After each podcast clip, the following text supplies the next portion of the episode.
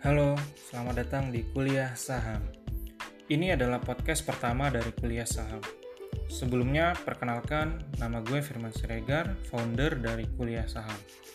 Jadi, tujuan gue membangun Kuliah Saham ini adalah sebagai wadah buat berbagi tentang ilmu dan pengetahuan di dunia investasi saham. Sekaligus jadi wadah buat kita saling berinteraksi, diskusi, dan belajar bersama tentang investasi di pasar modal khususnya di pasar saham.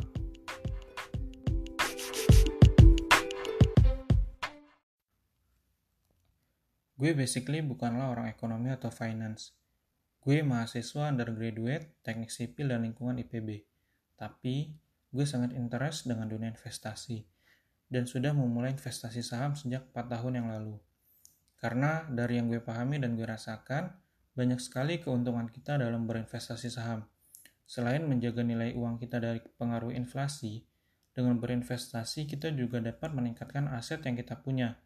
Dan hampir seluruh orang kaya di dunia ini, mereka mempunyai paper aset di pasar modal, baik di saham, reksadana, sukuk, obligasi, dan sebagainya. Nah, tapi yang sangat gue sayangkan, banyak teman-teman gue yang notabene-nya orang ekonomi, mereka nggak ambil action di sini. Hanya tahu teorinya saja, tapi gagap dalam prakteknya. Bahkan, banyak dari mereka yang ditanya tentang saham atau investasi lainnya, mereka masih menganggap hal yang rumit. Padahal, gue sendiri yang bukan orang ekonom saja merasa sangat mudah dengan berinvestasi. Dan yang paling menyedihkannya lagi, di kampus gue pun, panitia yang mengadakan lomba trading saham, mereka saja tidak punya dan tidak pernah trading.